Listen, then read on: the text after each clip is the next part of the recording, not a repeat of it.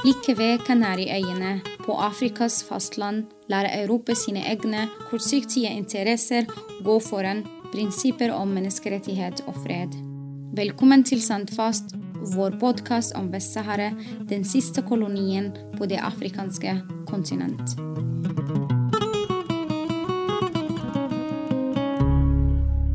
Det er nok ikke alle som klarer å holde på i tiår etter tiår med å forsvare en lite kjent sak. Med få ressurser, med medier som er uinteressert, og med myndigheter som heller vil fremme egne interesser. Hvordan holder man det da gående som aktivist? Dagens gjest er britisk Danielle Smith. Hun er grunnlegger og leder av initiativet Sandblast, som fremmer saharawisk kultur. Vi skal prate om motivasjon. Hvordan holder man seg motivert med solidaritetsarbeid på det 30. året? Hva koster det å la seg engasjere? Hvordan finner man balansen når man kanskje heller bør prioritere privatliv og egen karriere? Hi, Daniel. Finally, we can meet face to face. I'm very happy and uh, glad that you have time to be our guest today. Welcome. Oh, it's my great pleasure, Asriya. Daniel, you are the, the founder and the director of Sandblast, uh, which is very similar to the name of our podcast, Sandfast. How did you end up working on the Sahrawi cause? Well, I, my involvement with the Sahrawis is a story of fate in some ways. I mean, I, I heard about them many years ago when I was still in university through somebody who had got involved with the issue, and I was leaving the States. And of course, it was an issue that was almost completely unknown. Um, and so in university, I became aware of the Polisario struggle for self determination, Sahrawi struggle. And then, but I didn't, it wasn't part of my path at that point. I was going to become a doctor. Uh, and when I finished university, I um, ended up taking, starting to take a different direction than what I expected, and um, learned Arabic, and really fell in love with the language, and then became fascinated by the region and the history and the politics. And then from there, I ended up doing an, an, a degree in anthropology. I, I, realized that my passion really was with cultures and language and trying to understand what unites us as people all over the world and what makes us express our humanity in so many different ways through culture. And through my anthropological, uh, let's say, studies, I became very interested also in women, um, gender, and Islam. And so uh, when I finished my degree, I, I, I was in the Middle East and I came back to the States. And my path crossed with this woman who had introduced me to the Sahrawi cause when I was still in university. And her name was Teresa Smith. And she had married a Sahrawi, and she had the first Sahrawi American child. Uh, Tariq, as far as I know. Maybe there's others, but that she's the first one I officially know of. And she was involved and so we started to collaborate. And then she said, Come to the camps with me. And this was in the summer of 91 when they had just agreed to the settlement plan. And there was this high hopes that there was going to finally be a referendum and the war was going to end and the Sahara was going to go back. So this was a very pivotal moment to go to the camps for the first time. Um, I just want to say for those listening to us, we are in a conference and we were struggling to find a room. Uh, sorry for the sound quality. And uh, yeah, you mentioned you traveled to the camps in 1991. Well, it was it was the most impactful experience I've ever had in my life. For for start, I arrived there on the 5th of July. So coming into scorching hell you know, I will never forget getting off the plane. It, and at those days, they used to fly during the day, not at night like they do now. So we arrived pretty much close to midday. And it felt like as I got off the plane, someone had come up with a big frying pan that they've just taken off the, the stove and hit my face with it. And, you know, at the time, we're talking 30 years ago, everything was different from the way it is today. I mean, things, Tindouf where we landed was this teeny little spitting hole, and then there was practically no roads. So we were off road almost immediately after we left the airport, and then we were just driving through this relentless, barren, you know, empty desert and thinking, where, you know, where are the people? How can anybody live here? Because it just seemed impossible to imagine. And then suddenly we go over a little hill, and then this huge spread of tents as far as the eye could see. And it was, but it was very orderly. It was like it was bizarre because suddenly, you know, there was just rows, of little, you know, tents and little buildings, but very, very, very organized. And you know, the thing that really, really, you know, struck me at the time was the women. Uh, the women uh, I met very quickly uh, uh early on in the visit because I was there for about ten days. Um, and I remember meeting Sanaya Ahmed, who was the um, governor, well, she was actually at the time the Secretary General of the Women's Union, and, and watching them talk about their situation, hearing them, and just being, feeling their power, feeling their clarity, feeling their role, and feeling in charge. I mean, there was no doubt in my mind that the women were completely in charge. And it was such a humbling experience as a woman coming from the West being in, in the middle of nowhere in a refugee camp and feeling these were like the most powerful women I'd ever met in my life, seriously. And um, although I spoke Arabic, I didn't speak Hassaniya, which is the uh, local dialect. So I didn't really understand that much uh, to begin with. Uh, and I heard a woman speaking in Spanish, and I speak Spanish, so I, was, I ran to her. I thought, okay, here's someone I can communicate with. And that was Khira Bullahi who um, at the time was the foreign working foreign relations for the women's, women's organization. So I said to her, I said, I'd really love to meet with you if I can and interview you about the role of the women. Because right there, I was very much um, fascinated by this. And uh, so we ended up speaking three hours, trying to find some cool air somewhere from a dying air conditioner behind a couch. It was hilarious. We were on the floor, sweating away, having this incredible conversation. And at the end of the conversation, she said, Look, you're going back to the States. I really want you to help us. And I was like, I didn't come there knowing what I was going to do. I, you know, I just thought, okay, I've got to go and see the situation firsthand. So she said we need to organize a tour for women to go and speak about the situation because we're really afraid of what the Moroccans are going to do. We know we're not there yet, and we want to keep the global attention on our situation. So what can I say? I can't say, oh no, sorry. I was like, okay, I'll do my best. And that really started the ball, ball rolling. She was the kind of catalyst because she actually directly asked me to help. Mm. So I went back to the States and I was terrified because I had no idea how to start. I, you know, I was, it was a very, um, it was a big moment in my life to. Yeah undertake this. And, and I think uh, one of the goals of doing this episode with you is that that there are many other people, young people, students, or people who just want to help and get involved and, and they don't know where to start. So and also most importantly are how to keep the motivation. It's not easy and and believable. I mean i wouldn't believe it if, if someone tell me no for 30 years i have been this motivated and this positive you know? But first you travel back to the us and you have been active since. So, what has been the nature of your involvement in Western Sahara issue generally? Well, my involvement with Western Sahara has been very was very varied um, in the beginning. I mean, one of the big challenges that I faced immediately going back to the States and trying to find out how I could get uh, a tour organized for Sahrawi women to come and speak there was there was no information. Uh, it was very, you know, it was just fundamental. And I was living in Boston um, in, in an area that has some of the best universities, Harvard, MIT, you know, all these top universities, and I was going to the Middle East departments, and I was saying, "Look, we'd really like to organize a talk here by Sahara women," and they all looked at me like I was making this up, like they didn't even know what I was talking about, and it was such a shock for me to realize the degree of invisibility that this issue suffers from. So when you talk, when you're dealing with something that's so invisible, you have to find a way to make it visible. And for me, the most obvious thing was doing something either with film or or photography, because you have to show people what you're talking about.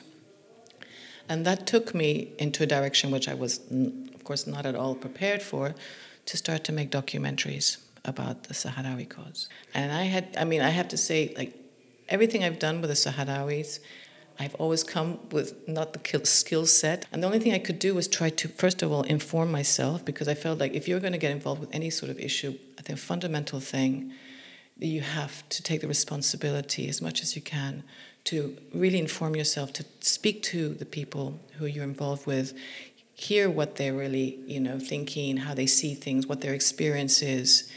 Uh, really engage yourself on that level because if you're going to try, I mean, for me, the scariest part was who am I to represent the Sahrawis? I mean, I'm in the U- US, There's, there were virtually no Sahrawis there. Who am I to talk about them?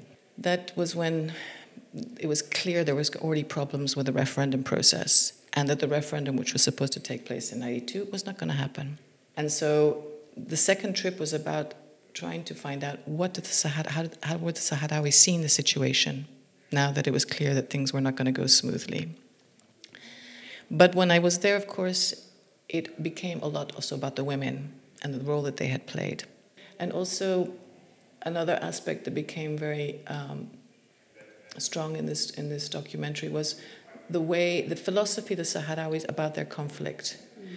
That they were they had this capacity to separate people from politics and i came across a woman who had been a prisoner uh, in moroccan jails and had gone through many hardships and when I met her, she told me the story that when she escaped finally from Western Sahara, and from uh, after she was released, she went to meet Moroccan prisoners that were in the refugee camps. They had been taken as prisoners of war, and and I was fascinated that she wanted to go and visit them.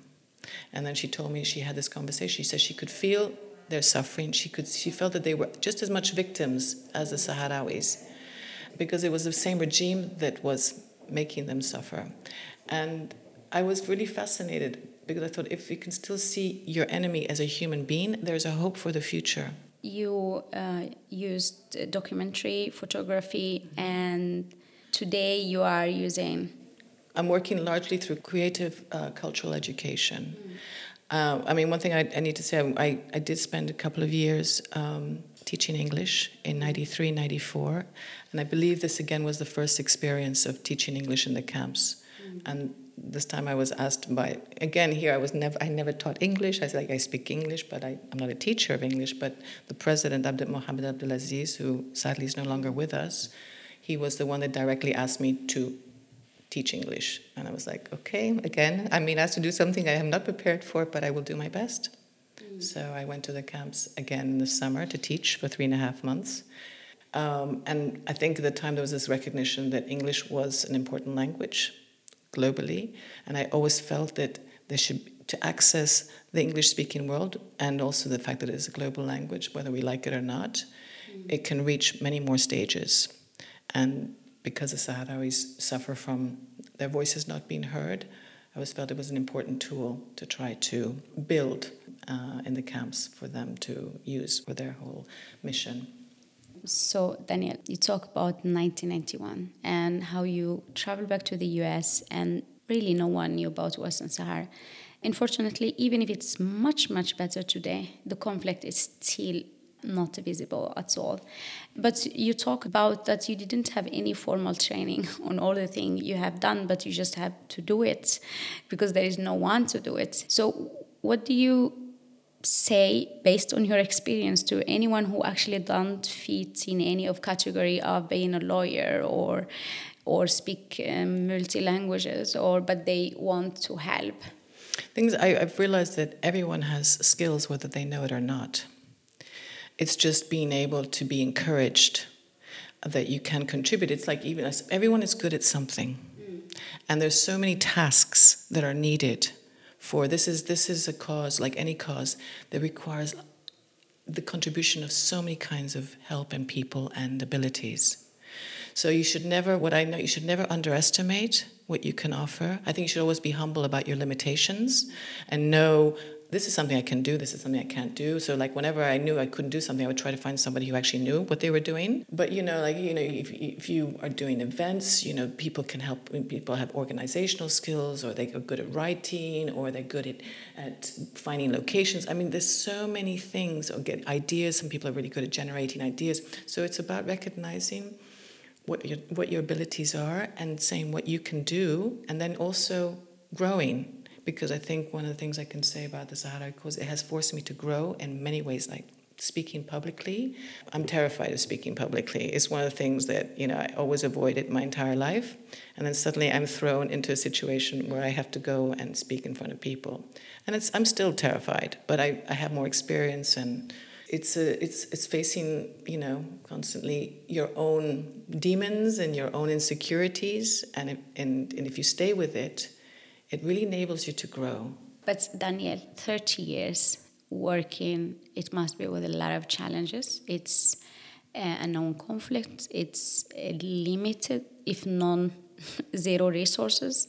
And no one is there to guide you. You must have met some challenges, and we don't want to scare anyone who wants to help or get involved. But sometimes it's also to be honest about maybe I'm exaggerated if I say what price, but really what price you pay, or especially those who stay long because we know some people come and goes and some people go and never come back. Yeah. Well i think it's a very very important question. Um, and i think one of the things i learned because I'm a, I'm, I'm a very passionate person. When i do something i just do it with all my heart and i, I don't hold back.